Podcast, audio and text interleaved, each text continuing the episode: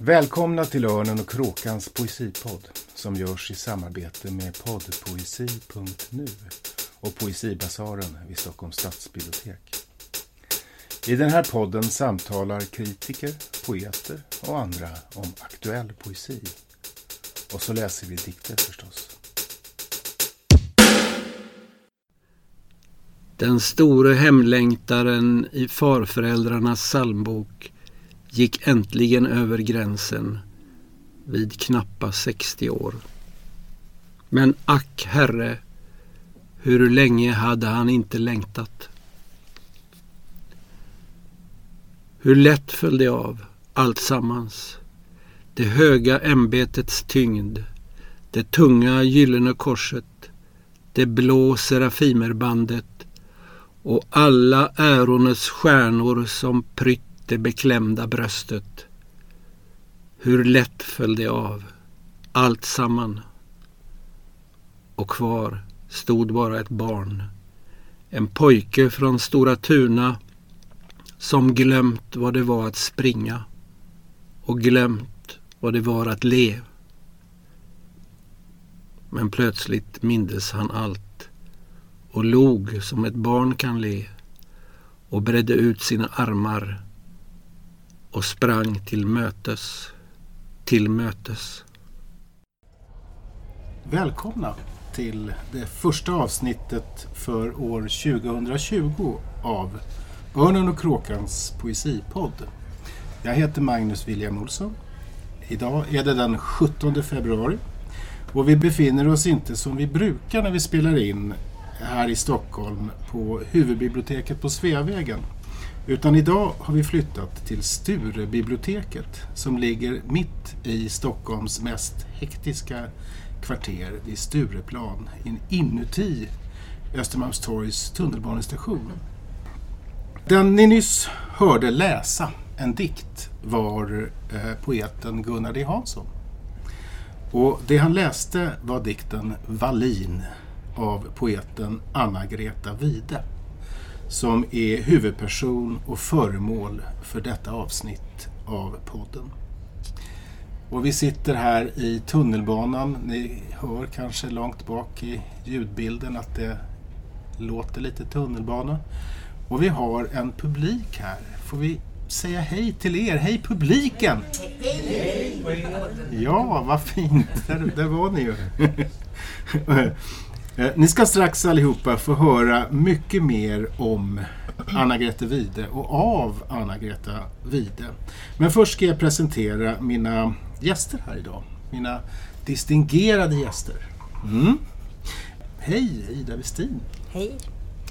Eh, du är ju eh, bibliotekarie och skribent. Man läser det i Svenska Dagbladet ibland, i Respons som ju är en tidskrift för facklitteratur kan man kanske säga. Och egentligen så är det kanske, vore det kanske rättare att du eh, välkomnade oss än att jag välkomnade dig hit eftersom du ja. faktiskt jobbar på det här biblioteket. Ja. Eller, eller hur? Ja, det är verkligen roligt att ni vill komma hit och trevligt att ni är några i publiken här också som är intresserade av Anna-Greta Wide. Eh, jag har jobbat här några månader bara och eh, tycker att det är ett fantastiskt ställe för litteratursamtal.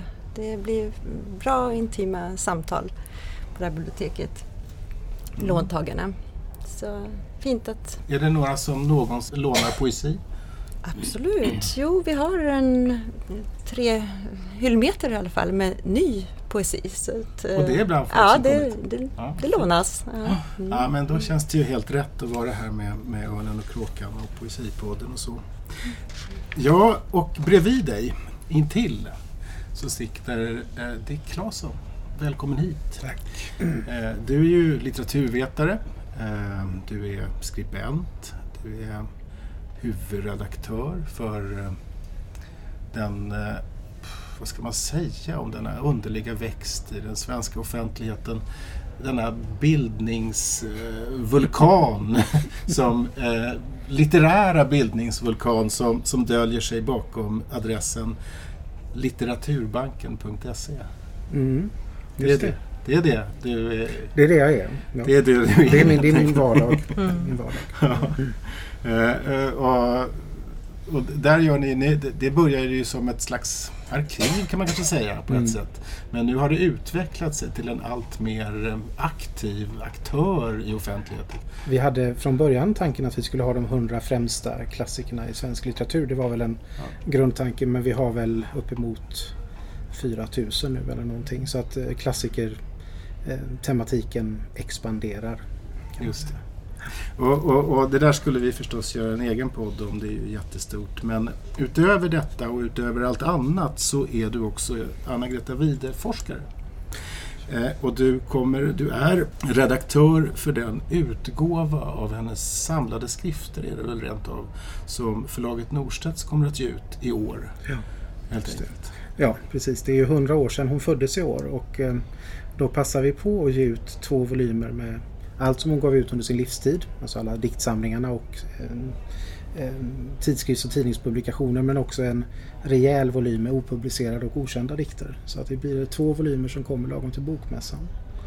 Eh, och sen satsar vi även på Litteraturbanken på det här. eh, Så att vi gör en stor digital utställning nu i april där vi kommer att lägga ut enorma mängder med material som man kan gå in och läsa själv. Det är ju ett av de format som ni nu börjar jobba Ja. lite mer med. Som är den digitala utställningen som Ja. liksom sätter författarskapen i kontext. Ja, precis. Helt enkelt, ja. Ja. Ehm, och det finns också på, vi ska återkomma det, på Litteraturbanken en sida som heter Ljud och bild där inläsningar eh, finns. Men, men innan vi kommer till, till det eh, skulle jag vilja placera Anna-Greta Wide lite grann för, i tid och, och rum för de som eventuellt känn, inte känner till henne. Vilket inte, det finns nog en del som inte gör det skulle jag vilja säga. Vad, berätta, ska vi ta en kort biografi bara? En slags Ja. minibiografi. Jag, jag vet inte hur många i publiken som känner till henne sedan tidigare men eh, de flesta Ja. ser glada ut och eh, igenkännande. När jag brukar prata om Vide så är publiken ofta lite ålderstigen och eh, kommer med tummade exemplar av diktsamlingarna. Diktsamlingarna är i princip omöjliga att få tag på idag. Och det har alltså inte kommit, med undantag från en liten, liten tunn eh, urvalsvolym som kom 1989 som Gunnel Wallqvist eh, gav ut. Så har det inte kommit någonting av Vide i bokhandeln sedan 1964. Inte en enda bok. Och när Norstedts skriver ett eh, litet utlåtande till bouppteckningen efter Vide så summerar man författarskapets ekonomiska värde till noll kronor. Så att eh, det är en bouppteckning som heter duga det. Mm. Hon är också en Göteborgsförfattare och det kan bitvis kanske förklara den här tystnaden. För som göteborgare känner man ju starkt för sina eh, författare och när man kommer till huvudstaden så märker man att de har fallit i glömska. Mm. Och med Vide är det tydligt så. Hon tillbringar hela sitt liv i Göteborg. Hon föds 1920 hon Just dör det. 1965. Va- Hur, hur föds hon? Var föds hon och av vilka? Ja, hennes pappa är folkskollärare, hennes mamma är hemmafru. Hon har en äldre syster som heter Inga. Eh, och de lever ett liv som eh, växlar mellan innerstan och eh, Näset som är alltså ute vid kusten helt enkelt. Där de har en liten, en liten miniatyrvilla. Så hon tillbringar mycket tid ute vid havet och hon tillbringar mycket tid inne i lägenheten i, i, eh, nere vid Långgatorna så småningom där hon sitter och spelar piano och skriver dikt. Hon är ett tydligt A-barn. Hon är, accelererar i skolan. Hon Vet, är, när, vet man när börjar hon börjar tidigt i tonåren att- skriva? Ja, eh, de tidigaste dikterna som vi har hittat är väl ganska ordinära ungdomsverser. Men någonstans runt 37, 38, 39 så börjar hon skriva riktigt på allvar och då går det fort. Eh, Hon vinner en, en nationell poesitävling som Sven Jerring håller i radion. Därför att någon har tydligen sagt att eh, gymnasisterna skriver inte längre lyrik. Och Sven Jerring vill råda bot på det här eh, och får in 600 bidrag eh, ifrån landets gymnasister och den här vinner Vide med en dikt som är tydligt placerad ute i kustbandet. Och det är också hennes första intervju som hon gör i samband med det här. Hon låter väldigt lakonisk. Ja, och, och sen kommer hon så debuterar hon 1942 med en diktsamling som heter Nattmusik och 1944 kommer Orgelpunkt och de där eh, båda böckerna, vi ska återkomma till att prata mer om dem på riktigt. De, de gör en stor succé, får man väl säga. Oh ja. De trycks i flera upplagor och får bra recensioner och så. Alltså de, de fortsätter att tryckas om ända in på 50-talet. Hon är en av de absolut mest framgångsrika poeterna i sin samtid. Jag tror att är det Orgelpunkt som kommer i 9000 exemplar eller någonting i den stilen. Mm. Och hon är också under den här perioden den mest lästa poeten på dagens dikt. eh, Alltså under många år. Hon leder eh, de här tabellerna som man kan läsa om i små avhandlingar och sånt. Hon är oerhört framgångsrik men hon tystnar alltså efter den andra diktsamlingen. 1944 kommer den och sen dröjer det, sen ser man i, i, i bibliografin att nästa bok, eh, Dikter i juli, kommer 1955. Det är alltså 11 år senare. Mm. Och den där tystnaden ska vi förstås eh, återkomma till. Och sen ger hon ut eh, böcker i någorlunda jämn takt. Eh, eh, 56 kommer Broar, 60 kommer Kyrie, eh, 64 Den saliga osäkerheten. Och, och då utvecklar hon ju sitt eh, mogna eh, författarskap som, som vi ska, eh, ska återkomma till. Och sen, men sen eh, dör hon ju. Eh, hur är det med hennes sjukdomshistoria? Där, när, när blir hon sjuk? Hon får cancer. Ja, alltså det här är en väldigt ledsam historia. Hennes syster Inga hade led av tvångstankar om att hon skulle drabbas av cancer. Och det här var någonting som präglade familjens tillvaro under lång tid. Eh, och Anna-Greta hade mycket med det här att göra naturligtvis. Det var ju svårt att hantera en sån här problematik. Det är grymt i ordets verkliga bemärkelse ironiska är att det är Anna-Greta som drabbas av cancer 1963 och sen går det fort. Eh, det är en underlivscancer och den går inte att hejda. Så att redan 1964 i slutet på 64 så skriver hon sitt testamente och då är hon eh, då är hon redo, då är hon färdig och ehm, sen, sen går det fort. Sen är det augusti 65 så dör hon och då har hon inte ens fyllt 45 år. Ja. Och, det är ju ändå, och då kan man ändå säga att döden är ju ett stort tema i hennes författarskap Ja. redan innan på många sätt. Eh, vi, ska, eh, vi ska lägga upp det här samtalet eh, genom att lyssna på de inspelningar, eller en del av de inspelningar som finns och som ligger på just Litteraturbankens sida ljud och bild. Jag vill gärna uppmana alla att, att gå in där på Litteraturbanken bör man gå in en gång om dagen överhuvudtaget för att kunna se. Men eh, gå gärna in på den här ljud och bildsidan och lyssna på mycket mer dikter än vad vi har möjlighet att spela upp här. Eh, vi ska låta de här inspelningarna tematisera samtalet här idag. Eh, men rättigheterna till inspelningarna ligger på Ja. Sveriges Radio. Och det är viktigt att vi säger Ja, rätt här. Vad är det vi ska, hur ska vi... Vi, vi behöver helt enkelt eh, tacksamt eh, erkänna att Sveriges Radio gett oss tillstånd till att använda de här inspelningarna. De flesta inspelningar vi har med Vide kommer ifrån radioinspelningar. Det finns ett undantag men i övrigt så är det tack vare Sveriges Radios arkiv som vi kan tillgängliggöra de här idag. Det är med tillstånd från Sveriges Radio som vi gör det. Just det. Bra, eh, men bland de inspelningar som finns eh, så finns det inte så många som rör eh, de tidiga diktsamlingarna. Därför så har jag bett Dick att välja två ganska tidiga dikter som Ida nu ska få läsa upp. Två dikter som är skrivna båda två 1945 och som inte finns med i någon bok. Då hade hon gett ut sin andra bok redan och börjat den här långa tystnaden. Men låt oss höra, de, det är två dikter som vetter åt två håll i författarskapet. Och låt oss höra Ida när hon läser de här. Mm. Kamp. Jag slåss. Det är svårt. Det är inte min art. Min art är att älska och smeka. Men något har blivit mig uppenbart. Med döden är inte att leka. Den riktiga döden är klar och god. Den kommer på tillbörlig timma. Men döden som bor i mitt levande blod är smygande, glidande dimma. Att lösas i dimman, att drömma sig bort i dunklet som smeker och söver. Liv, fånga mig, tvinga mig, håll mig kort och ge mig den kraft jag behöver. Det är mot mig själv som jag nu måste slåss, mot dimman som smyger och glider.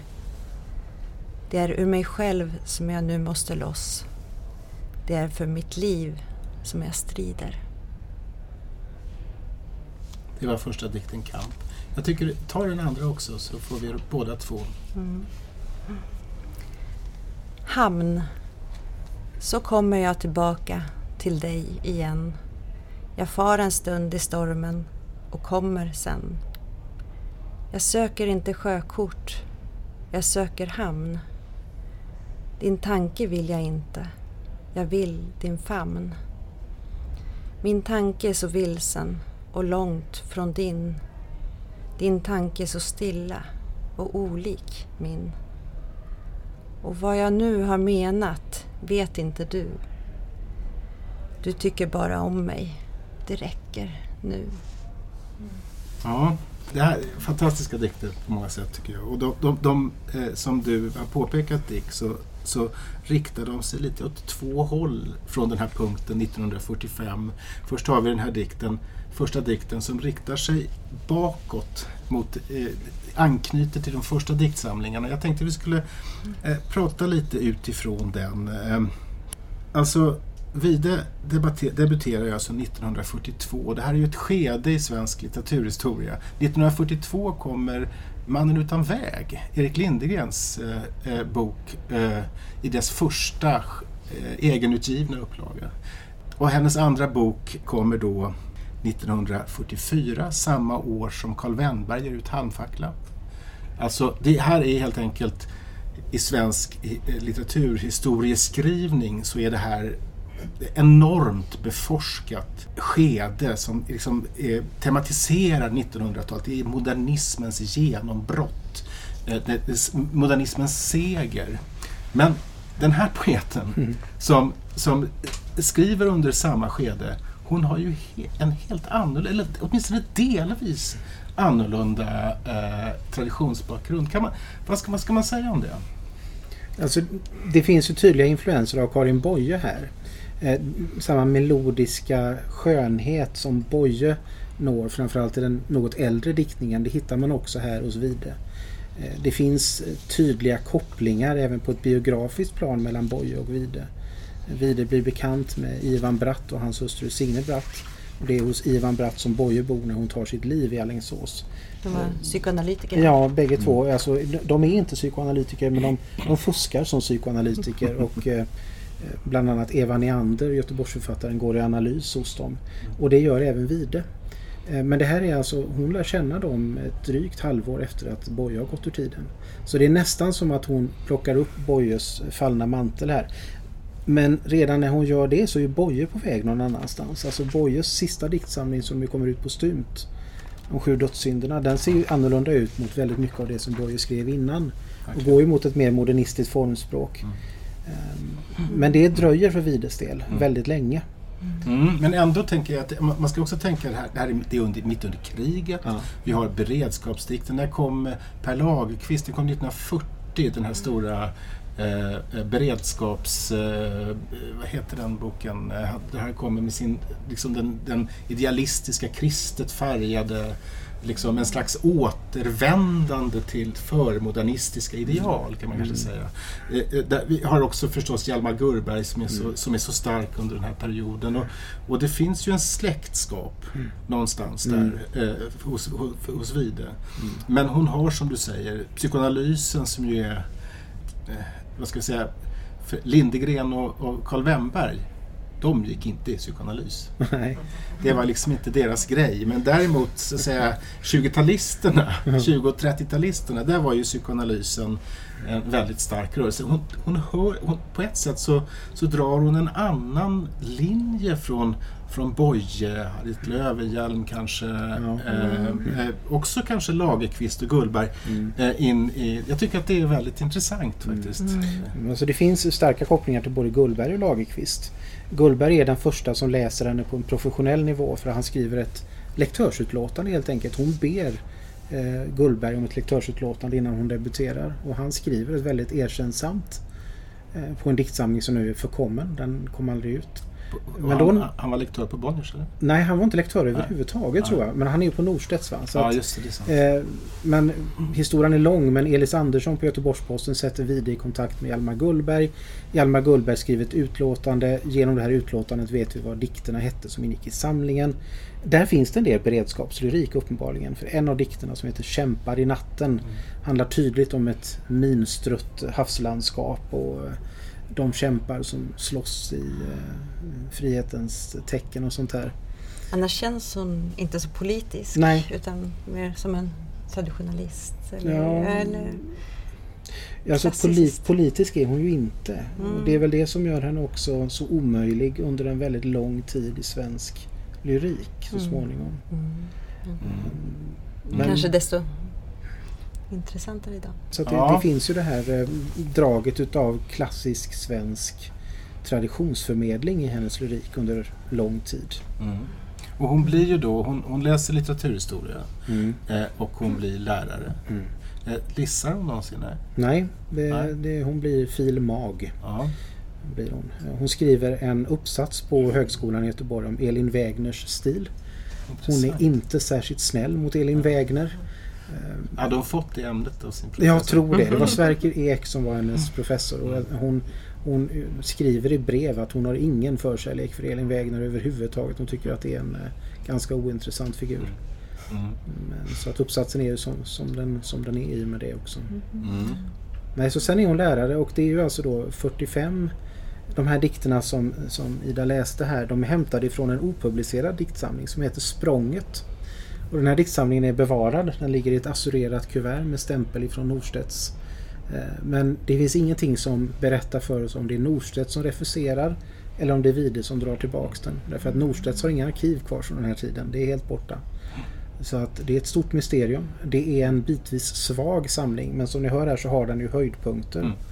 Men eh, hon är på väg bort ifrån det här. Och hon, eh, hon börjar då, det här är ju inledningen på den stora omprövningen, eh, de här 11 åren mellan tre, andra och tredje boken. Eh, och vad är det egentligen som, vi kan ju, vi kan ju se sen eh, vad som händer i Dikter i juli.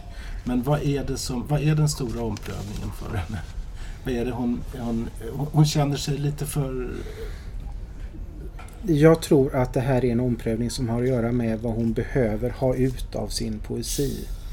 Hon behöver frigörelse, hon behöver frihet eh, och den här friheten är djupt personlig.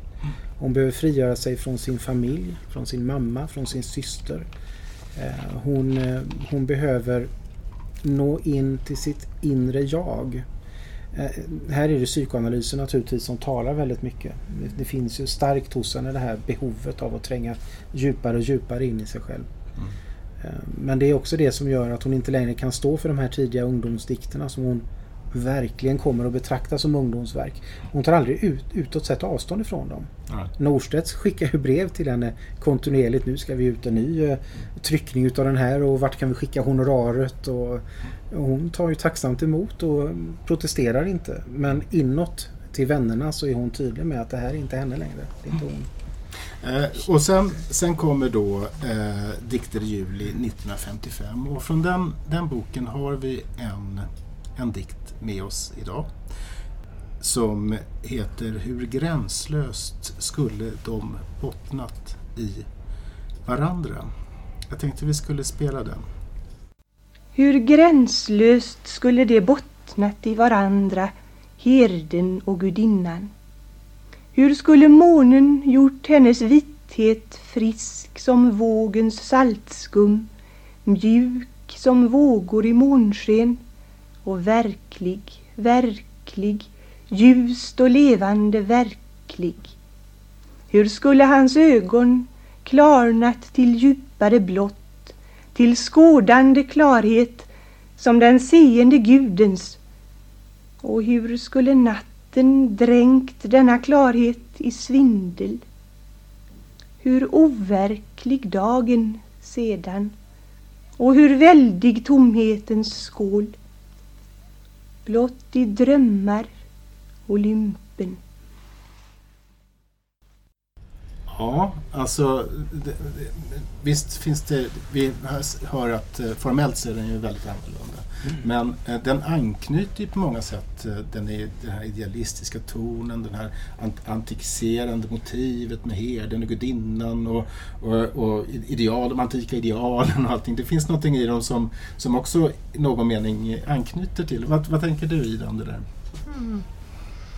Ehm, alltså jag är nyförälskad i Anna-Greta Wide ska jag säga. Jag har inte läst henne sedan jag, ja, var tonåring i den här antologin som Gunnel Wallqvist gav ut 89 så um, jag fastnade mest för uh, den dikt som, som kommer efter, Kyrie. Vi kommer mm. väl till den. Men um, hon har ju en alltså hon, utomordentlig behärskning av uh, rim och meter.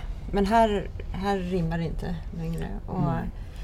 Men det är den här längtan som är ett motiv som finns både från början och sen mot slutet.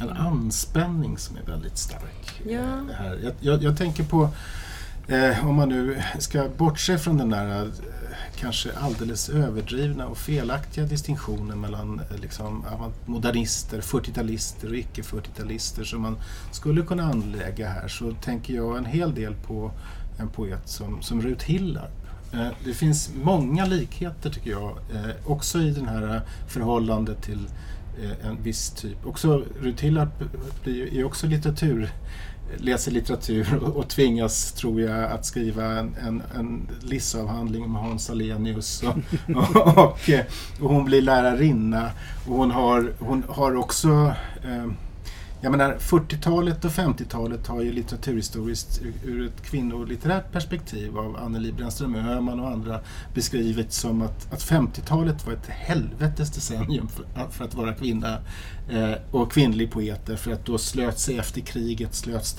den patriarkala litterära offentligheten blev patriarkaliserad kan man nästan säga och, och idealet var hemmafrun som, som den näpna flickan och sådär. Från från det här kvinnoidealet som Karin Boye hade burit fram, den nya kvinnan. Va? Den här, eh, och, och, och den, Rut Hillarp har ju beskrivit det där, Birgitta Holm har skrivit om det också. Väldigt, väldigt starkt. Eh, och man kan ju säga att, att någonstans där finns väl också, jag menar, eh, Anna-Greta Wide levde ju också i denna tid.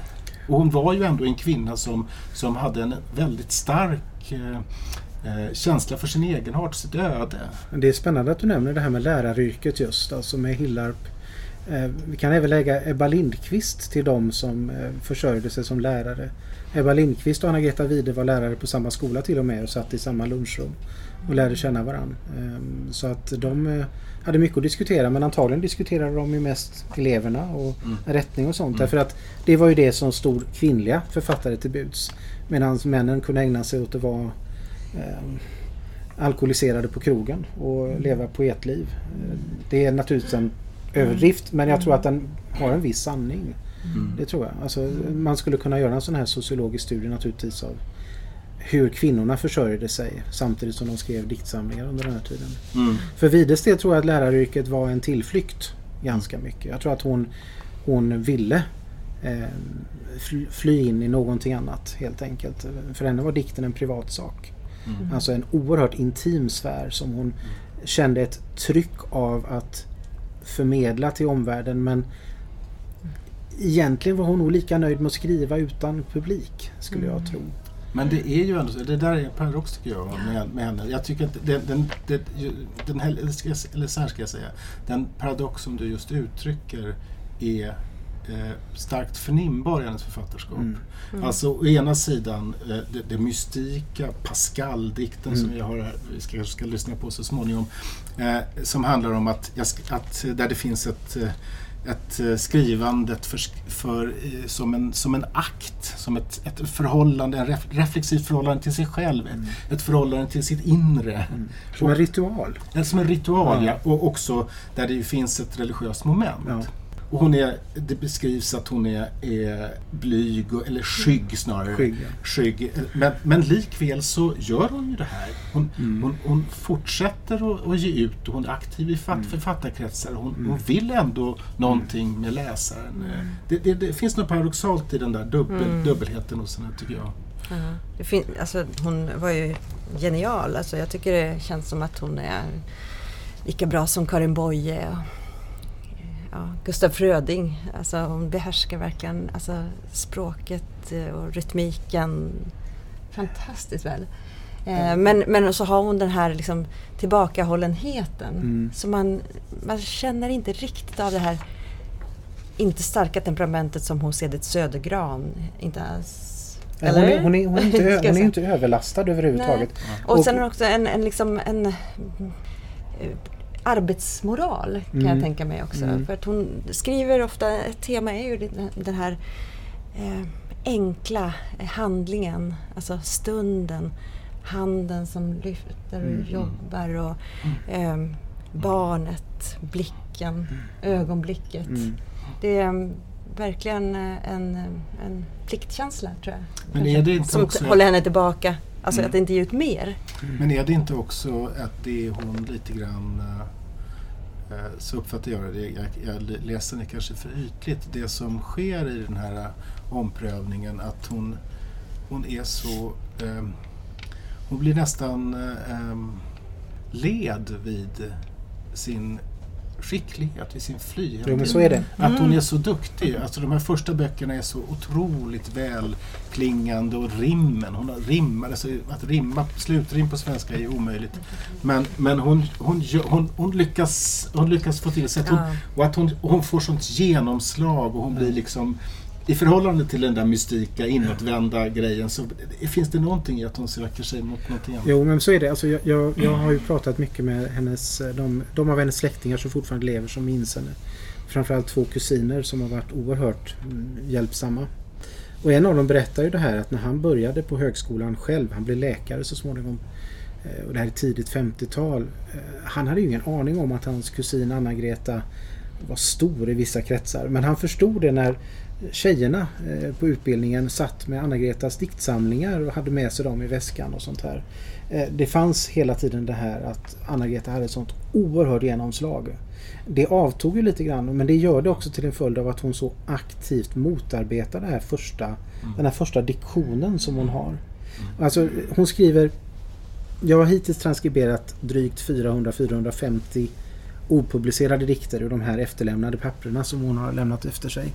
Eh, De låg i en resväska som var helt eh, stängd i 50 års tid. 54 år tog det innan hon öppnade den där.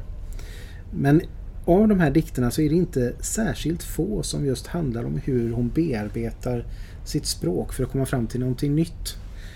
Och nu är jag mycket sämre på att läsa än vad Ida är men jag tänker jag kan försöka läsa Mm. den här. Ja, Den här är någonstans mellan 1956 och 60. Det går inte helt och hållet att datera de här dikterna.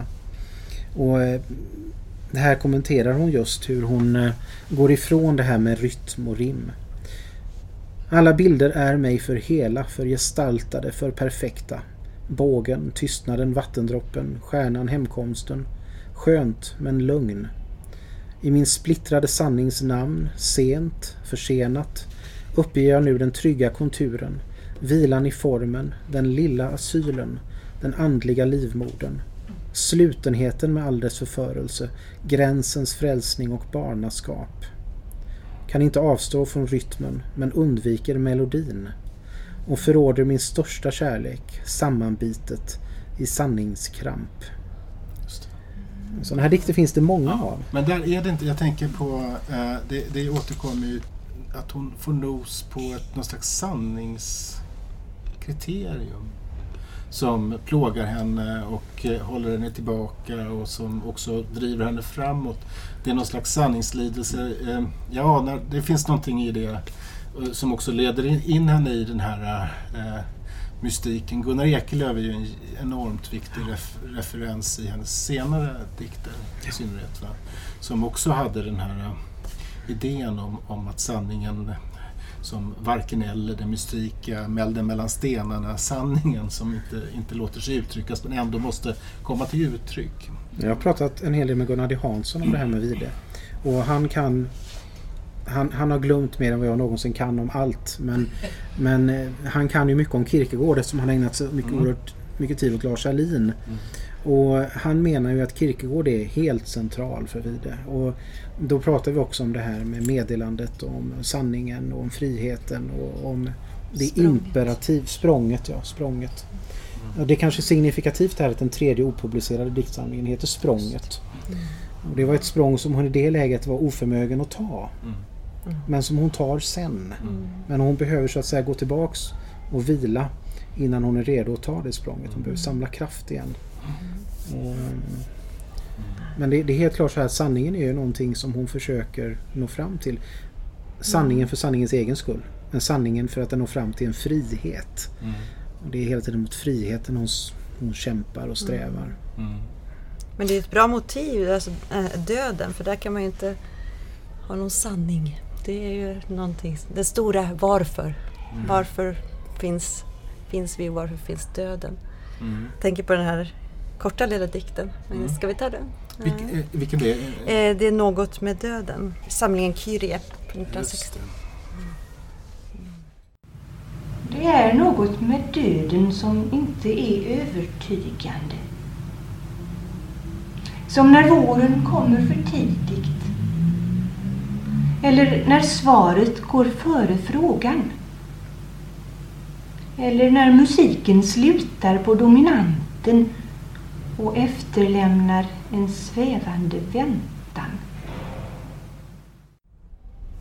Den där är otroligt fint. Ja, Det det, är- det, ja, ja. det är sånt... eh, Ja, jag tycker man skönjer ändå ett eh, upp, lite upproriskt temperament här. Att hon eh, ifrågasätter Ja. det här. Var, varför ska du komma nu, döden? Men det, så är det. Alltså när hon skriver det här så är hon ju inte sjuk. Hon har lite trassel med magen men i övrigt så uppfattar hon ju sig som, eh, som frisk. Det här är inspelat 1962 också i en offentlig miljö på ett bibliotek, Göteborgs universitetsbibliotek. Så här, där hör man också i bakgrunden ljud utav tutor nere på korsvägen och sånt här. Så att det är en likartad situation. Men, men hon har ju skrivit om döden länge och hon, hon vandrar i dödens skugga hela livet egentligen. Hon har svåra kriser bakom sig och hon betraktar, det är mycket tydligt om man läser en del av de här riktigt eh, intima breven eh, som det inte finns många av ska sägas, men att hon betraktar döden som en eh, fullkomligt möjlig väg att gå. Eh, tidigt. Men hon väljer aldrig den vägen för att hon har av hänsyn till sina föräldrar, till de efterlevande så, så hon tar inte den utvägen helt enkelt. Men Men hon var upptagen av Boyes, ja, alltså både diktskap och död kanske. ja Hon tog livet av sig 42. eller- Eh, Så, så är det ju. Det finns en dikt där i eh, orgelpunkt från 44 som tydligt handlar om, eh, om Boyes, Boyes liv. Det är väl en, den är oerhört kort. Vet, Kan Mm. inte du läsa? Ett liv. Gråtande föddes du, våt av blod. Visste du vagt vad som förestod. Främmande levde du, stel av köld. Hade du kölden till värn och sköld. Leende gick du i natten in. Hade du lämnat den någonsin? Mm. Och här, här, här turnerar hon ju Boyes Sköldmö. Alltså hon tar de här Jag har gjort såna här eh, datorkörningar på det här och eh, det är så här att Vide använder aldrig orden sköld, köld, värn och sånt här annars än just i den här dikten. Och det är en tydlig allusion till Boye naturligtvis. Eh, Det här är också enda gången hon aktivt tar ställning till Boyes dikt i sin egen dikt. Vilket är lite intressant. Hon gör det precis innan hon överger den här typen av dikt också. Det här var alltså ur orgelpunkten, andra, andra diktsamlingen. Eh, Men vi, vi kan inte, tror jag, hoppa över eh, det här kristna draget. Nej. Som ju är helt avgörande och som kommer in. Det, det hör ju också till tiden kan man säga. Men den här uppgörelsen med, med kristendomen och det kristna arvet är ju, en, är ju genomgående i, i, i många författarskap eh, under den här tiden. Och vi, inte minst under 50-talet har vi ju en, det finns ju en, en kristen går en våg av kristen, av- inte väckelse ska jag säga, men eh, många, många svenska författare eh, blir, blir Birgitta Trotzig till exempel, som också är en intressant parallell tycker jag, eh, blir katolik och så. Berätta lite, vad, hur är det där? vad, vad, vad har de för religiös kris? Kan man prata om Eh, det? jo men alltså man kan väl tala om en religiös process. Hon, eh, hon, eh, hon lockas också av den katolska kyrkan. Det är det som hon ursprungligen dras till. Hon beskriver i ett brev 1941 eller 42 tror jag det är. Då bor hon på Tredje Långgatan. Jag vet inte hur många av er som känner till den gatan i Göteborg. Men det är en ganska trång gata så här. Eh, vackra stenhus och bor hon på tredje våningen där. Så beskriver hon hur hon en natt när hon ligger sömnlös hör en sån här rumlare som kommer hem från krogen. Och det är hon van vid skriver hon. Busarna som lallar runt på Tredje Långgatan. Men den här eh, mannen som är ganska ung tydligen. Han sjunger den katolska trosbekännelsen besatt går förbi hennes. Och det här upplever hon som någon slags epifaniskt ögonblick. Hon dras till den här katolska kyrkan och hon skriver dikter om det här hur hon slåss med hon går in i den katolska kyrkan rent fysiskt och eh, lockas utav ritualerna och liturgin av rökelsen och av hela den här ceremonielet i det. Men sen är det väl också någonting som gör att hon inte i det läget under 40-talet är redo att ta det steget fullt ut. Hon är aldrig redo att ta det steget fullt ut. Utan hon förblir det som eh, man kan kalla en tröskelvarelse. Hon skriver mycket om trösklar, att stå på tröskeln och att hela tiden förbli, att göra sitt hem på tröskeln och inte ta steget över till kyrkan. Eh, så det här, är ju, det här har ju varit något av en diskussionspunkt i den eh, lilla, lilla forskning eller kommentarlitteratur som har funnits om Vide för att hon har ju varit sorgligt bortglömd. Mm. Så har man diskuterat det här om det var så att hon fann tron till slut eller inte. Och det går inte att svara ja eller nej på den frågan. Mm. Vilket också är symptomatiskt. Mm. Den paradoxen finns ju hos Vide. Man kan aldrig svara ja eller nej. Man kan bara svara kanske. Och det är någonting produktivt att stanna kvar i det här kanske. Det finns ett kreativt ögonblick där. Ska vi, ska, vi, ska vi spela Kjell Esmarks inläsning av Pascal? Ja. Bara för att eh, eh berätta om den här dikten. Eh, ja, alltså den här är lite komplex. Som skriver den alltså till eh, hur är det nu, 300, års, 300-årsminnet utav Pascals död eller födelse. Död. död. Men den är alltså skriven Alltså så att året stämmer överens med döden men däremot datumet, dagen, stämmer överens med Pascals eldnatt. Det vill säga den natt när Pascal får en, en, en uppenbarelse när han blir frälst. Det här är något som Pascal skäms för så han gömmer ju den här upplevelsen. Han skriver ner visionen på ett litet pappersark. Sen syr han in det i sin rock. Varje gång han byter rock resten av livet så flyttar han över papperslappen till nästa rock. Men de hittade det här då efter hans död och det här kallas för eh, memorial eller hur man uttalar det på mm. franska. Eh, där han beskriver den vision han haft av Gud. Så att vad Vide gör är att hon helt enkelt låter födelsen och döden sammanfalla i en och samma dikt här. Mm. Och det här är Kjell Esmark som har gjort Oförvitligt välartade geni. Flod av glasklara tankar mellan snörräta breddar under symmetriskt vuxna och villigt tuktade träd. Stundom också en världsman med oklanderlig halsduk och ett högmod av nästan skuldlös subtilitet.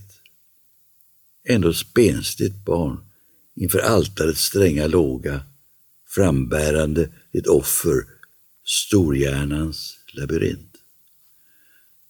Alla linjer blev gränser. Slutligen stod ditt liv som en ovansklig cirkel inskrivet i Guds ögas allseende triangel. Fulländat intill skräck. Tills elden slog ned i dig och brände bort perfektionen och stormen gick över dig en regnig novembernatt. Eh, när sa du att den här dikten är skriven? Nu ska vi tänka efter här. 50, eh, det är sent 50-tal, den eh, 58 mm. eller någonting va? Något sånt. Mm. Det, det, är, ja. Mm. Just. Den har en datering men jag kommer inte exakt ihåg den. Precis, eh, för sen, eh, sen kommer hon ju 1960 med den här diktsamlingen som heter Kyrie och, och där, titeln i sig är ju eh, Kyrios på grekiska betyder helt enkelt att eh, det är ett adjektiv som är befallande eller den, eh, den som eh, helt enkelt och, och det, vi har ju Kyrie eleison Herre eh, ha barmhärtighet eller ha, ha förbarman. Mm. På ett sätt så upplever jag den, de här, hennes två sista böcker som så att, säga, att hon når fram till en egen art som diktare mm. egentligen med dem. Eh, så det är min känsla. Och jag har läst det så, det kanske är grundläst, men att det har någonting med inte att kanske komma till tro, det vet jag inte, för det gör hon väl inte, men, men i någon slags, hon blir ju inte frälst. Um, men, men att, som har ändå eh, att hon finner fram till en sorts religiositet, en sorts kanske mystik eh, mm. i, som Kyrie ju ger uttryck för på olika mm. sätt. Eh, vad säger du Ida? Du... Ja, den, alltså, den känns mogen och, och behärskad. Eh, det gör ju allt som hon skriver men också liksom att hon, hon är lekfull och tänker, den här dikten Missbrukad, eh, den är en drift med hur det här livet försöker eh, stöpa oss i samma form. Vi spelar den. Ja, jag spelar. Mm. Missbrukad intill oigenkännlighet. Sömnmedel för bråkiga patienter, stilmedel för allvarliga skribenter, tribunal för bittra rivaler, säkerhetsmarginal för försiktiga generaler, prydnadsväxt för kräsna esteter, fastetext för magra asketer, medel, medel och medel. Missbrukad som du är, bruka oss som vi är. Bruka oss. Det är så fint. Ja. Det, det här våldsamma miss, missbruka mot det varsamma bruka. Mm. Och den här varsamheten och mjukheten tycker jag är Mm. genomgående. Det lägger också någonting extra till att höra henne läsa den här dikten för att Mm. en hel del av de här dikterna som interpunkterar de två sista samlingarna är ironiskt hållna. Just det. Och den här ironin är oftast någonting som lyfter dikterna ovanför det som är för nära. Jag, jag tolkar det som en försvarsreflex hos Vide. eh, Den här ironin. Men när man hör henne läsa den här dikten så den spaltar upp sig i två delar egentligen. Först det ironiska koket. Sen helt plötsligt så ändrar hon tonfall. Och där finns det någonting som talar rätt in i hjärtat. Det finns ingen distans i de sista raderna överhuvudtaget. Då lämnar hon ironin bakom sig och går in i ett meditativt tillstånd. Och det är där hon lyfter. Ja. Men det är intressant det här Jättefint. där tycker Mm. jag. Just i det meditativa tillståndet. Den här gör, läser hon ju upp på ett bibliotek. Ja. Det, det finns ju ett, en eh, agens, en, en liksom ett ut ett framförande Mm. i det. Det är inte bara så att hon, att hon eh, vänder sig inåt, hon, hon presenterar Mm. också hur hon vänder sig inåt Ja. i sin läsning. Och det, det, det där tycker jag är oerhört eh, spännande i hennes, eh, i hennes författarskap. Jag tänker, som du säger, vilket, alltså, det intressant det här dubbelheten i, i själva dikten. Att den Mm. liksom blir något annat på slutet. Jag tänker även på orden odugliga i samma diktsamling. Mm. Vi Ska lyssnar. vi? Mm. Orden odugliga, alltför tydliga, vägda på vågar, smekta och tummade. Blicken oduglig, skev av klenmod. Gesten oduglig, stel av blyghet, artfrämmande. Min enda bön är min riktning. Att vara stilla i mörkret. Att tiga stilla i mörkret. Vänd mot dig. Ja. Det uppstår ju ett... eh, Jag, skulle prata om Vide en gång och då skulle jag komma på någonting käckt att säga så jag satt en stund innan och tänkte vad ska jag prata om. Och så tänkte jag, jo men jösses ja, det finns ju ett tredelat du hos Vide. Det låter bra. Så började jag spinna loss på det här lite grann. Men grejen är den här, hon har en dikt när hon irriterar sig på, på mycket vaga pronomen. Eh, och sen börjar hon helt plötsligt använda mycket exakta pronomen. Hon riktar sig till ett du. Och det finns ett du som är skrivet med litet d. Som är ett, en annan människa, alltså nästan. Eh, Men sen finns det här du med stort d. Alltså guden. Och det blir aldrig ett enkelt du. Men det finns där. Och sen finns det också en, en, en ett tredje du som är mer ett allmänt mänskligt hållet. Men eh, det är ju det här stora d som är lite spännande i den sena diktningen. Hur hon förhåller sig till det. Och hur hon lyckas göra poesi av det utan att det framstår som fromt. Ja. För det gör det ju aldrig. Nej, verkligen inte. Det är ja, gudlösa böner. Ja. Ja, nej, jag tänker också så att det finns ett fjärde du där som, är, som jag upplever som starkt och det är duet som riktar sig helt enkelt direkt till läsaren. Ja. Alltså, eh, och som just skapar den här, en, en form av det är inte en intimitet. Eh, Det är, det är ju aldrig kladdigt någonsin. Kommer inte i närheten av det. det är inte, men det är, det är, det är ett, eh, en, eh, Imperativ ett kanske. imperativ Ja. kanske i någon mening som, som har med läsakten att göra. Helt Mm. enkelt, som, är, som är intressant. Ja, det, vi ska, vi ska, tiden går fort och vi ska försöka hinna med de sista dikterna också och, och den sista den sista boken som kommer ut. Vad ska vi säga om den? Alltså det, det, den saliga osäkerheten som kommer 64. Är den, är den skriven under hennes... Har, har, känner hon till sitt, sin, sin sjukdom och så? Ja, det gör hon. Alltså, de här dikterna är skrivna från 1960 och framåt. Det är svårt att dra gränserna kronologiskt mellan Kyrie och den saliga osäkerheten för att de spiralblock det är alltså ett dussintal spiralblock som återstår i den litterära kvarlåtenskapen. Alla de kommer att finnas sen då digitaliserade. Men eh, de här dikterna går lite grann om lott och hon väljer och vrakar och sätter samman de här diktsamlingarna vart efter. Så att eh, de här dikterna som är den saliga osäkerheten kan hon ha skrivit redan 60 i vissa fall. Eh, så det finns inte den här tydliga kronologin men det är helt tydligt så att hon börjar turnera döden och det finns det finns svep av dikter i den sista samlingen som kanske mer tydligt än någonting tidigare förhåller sig till en kristen tematik. Och um, också till en mystik som du har varit inne på mm. tidigare. Alltså, det kanske är mer produktivt att tala om en mystik snarare mm. än en mm. kristen tematik. Mm. Mm. Även, om, även om det naturligtvis är så här att det är den kristna tron som den här mystiken mm. kommer ur. Eh, men hon, ja, hon vet att hon, hon är svårt sjuk när den här kommer naturligtvis. Mm. Eh, Norstedts förlag, det är Ragnar Svanström som är hennes förläggare. Han eh, håller sig väldigt noggrant underrättad om hennes operationer, om hennes mm. strålningsbehandling. Han skriver brev till hennes läkare och ber dem att kontakta honom. Mm. Och det är ju inte, eftersom han ett halvår efter hennes död skriver att värdet på författarskapet är noll kronor så är det inte av ekonomiska skäl. Han bryr sig om dikten helt enkelt. Mm. Det är han som har legat på ända sedan 1953 att hon ska ge ut en ny diktsamling. Eh, och det är han som hela tiden agerar oerhört snabbt när hon lämnar in någonting. Så att efter att hon har lämnat in, dagen efter har hon fått ett lektörsutlåtande. Tre veckor senare är boken typograferad och eh, på vecka fyra så har hon fått ett korrektur. Det går så snabbt alltså. Mm. Sånt kan man ju drömma om idag. Men ah. det, det, det händer inte längre. Ska vi, ska vi lyssna på den dikt som heter Det ena fästet? Det ena fästet är jag, om detta är ett brofäste. Ett gammalt färjeläge förgätet av båtarna.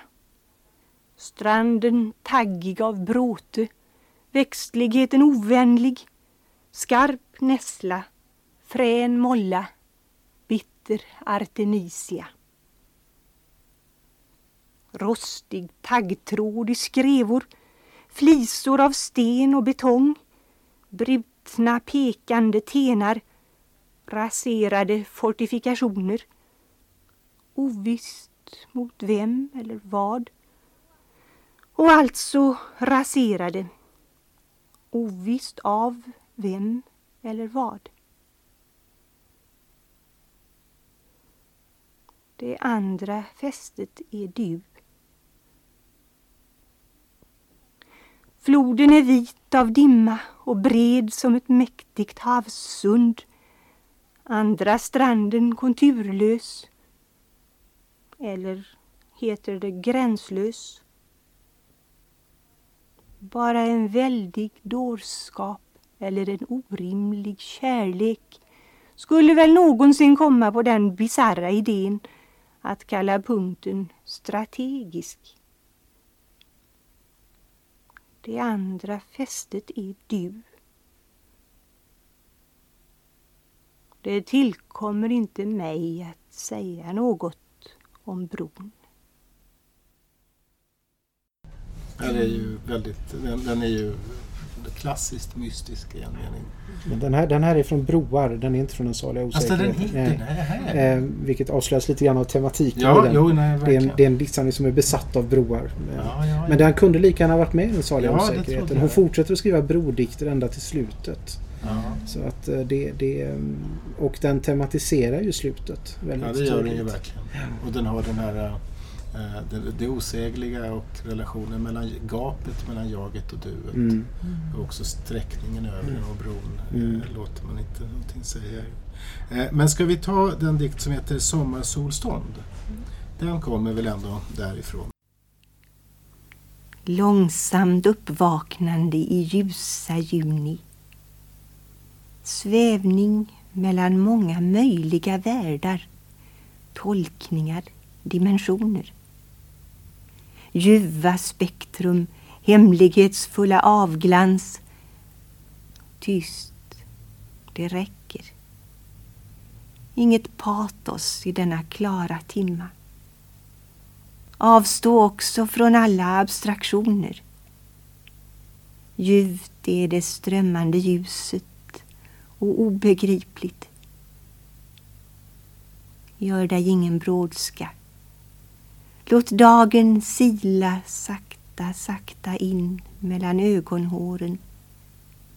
Klar, men inte förklarad. Kan vi ta en fladdermusunge? Ja, den här storartade kärleksdikten.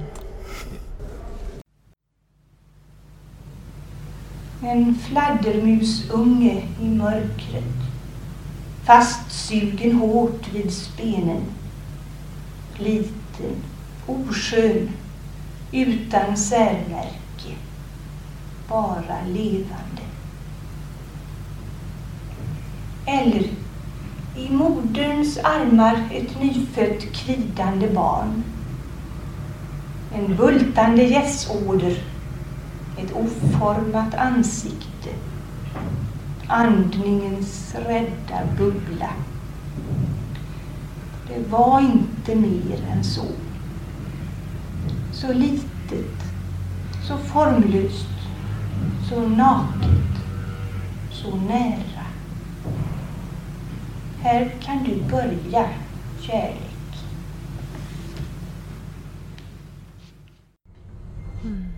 Det är vackert. Den är otroligt vacker. Ja, det är den verkligen. Jag jämför med den här fladdermusungen och Ja. människobarnet i sin rädda bubbla. Vi har, vi har ett exemplar bevarat av hennes ex libris som hon gjorde när hon var 19 år. Så tillverkade hon ett ex libris av ett, eh, det är väl ett linoleumsnitt eller någonting i den stilen. Och då är det, det är en horisontlinje, ett hav, det är en uppåtgående sol och så är det två stycken händer som håller ett litet spädbarn. Så här. Och barnet är något som förföljer henne. Eh, Det finns en eh, sån här liten skröna. Man får höra mycket skrönor när man sitter och håller på med det här. Men det var många psykoanalytiker inblandade i de här kretsarna. En av dem var Gösta Harding, Gunnar Hardings far. Och eh, enligt uppgift så har han sagt till Vide vid något tillfälle att du söker barnet men undviker mannen. Mm. Och det var ett återkommande tema hos Vide det här, alltså kärleken till barn. Men en helt oförlöst kärlek. Eh, Så vitt vi vet hade hon inte ett förhållande med någon under hela sitt liv. Det är ingen som känner till något i alla fall. Så att det, det blev ingenting av det Nej, här. förlöst enbart i tjänsten då, i läraryrket. Ja, precis. Hon Eh, mötte barn varje dag. Jag stöter på hennes elever, gamla elever ibland och de talar varmt och kärleksfullt om henne. Eh, Så att det, det, hon, hon omvandlade det här uppenbarligen. Ja, hörni, vi ska sluta hela den här podden med att, att eh, lyssna på eh, Anna-Greta Wide när hon själv läser samma dikt som Gunnar D Hansson läste inledningsvis, alltså den här dikten Wallin. Eh, och ska vi säga någonting om den dikten? För den är ju intressant eh, i, eh, i, i förhållande till henne själv och hennes speglingar. Och, Alltså jag, jag ser den ju som märkesdikten i hennes sena författarskap någonstans. Den, den summerar eh, i, i en porträttdikt. Hon skriver en del sådana här alltså namngivna Pascal, Einar Billing, Wallin. Det finns en del sådana här. Eichmann är en som hon bara publicerade i, i eh, tidningstryck men som kommer att komma i antologin nu i höst.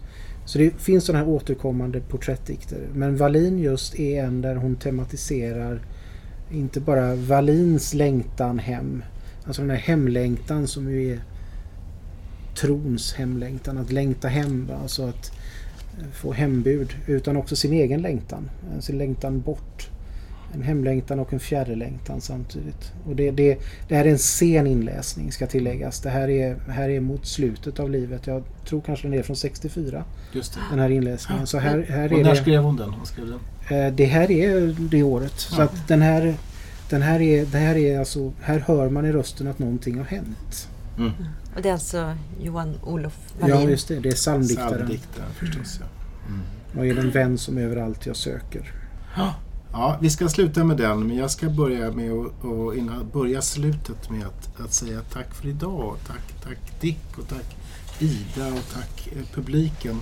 Eh, nästa avsnitt av, av eh, Örnen och Kråkans poesipodd kommer vi att spela in på Poesimässan som eh, i år inte äger rum i Stadsbiblioteket på Sveavägen utan i Stadsbiblioteket i Göteborg, lämpligt nog.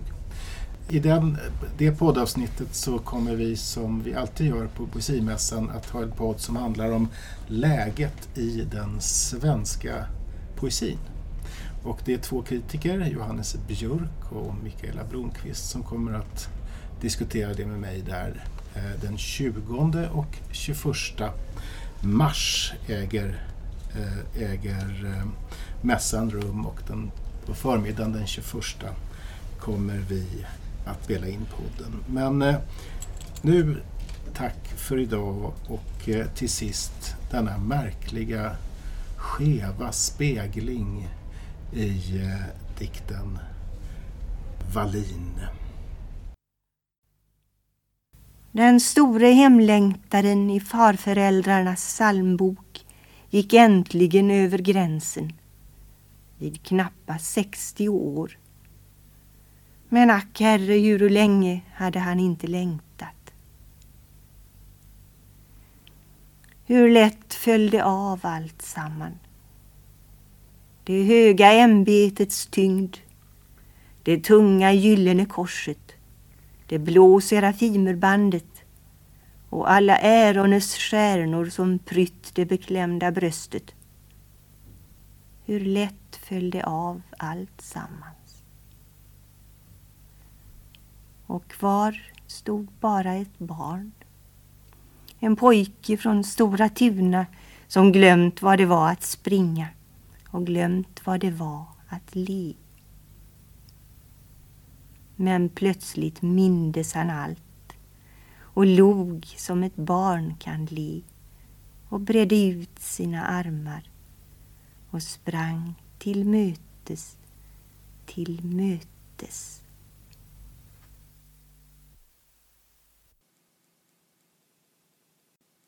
Du har lyssnat till Örnen och Kråkans poesipodd.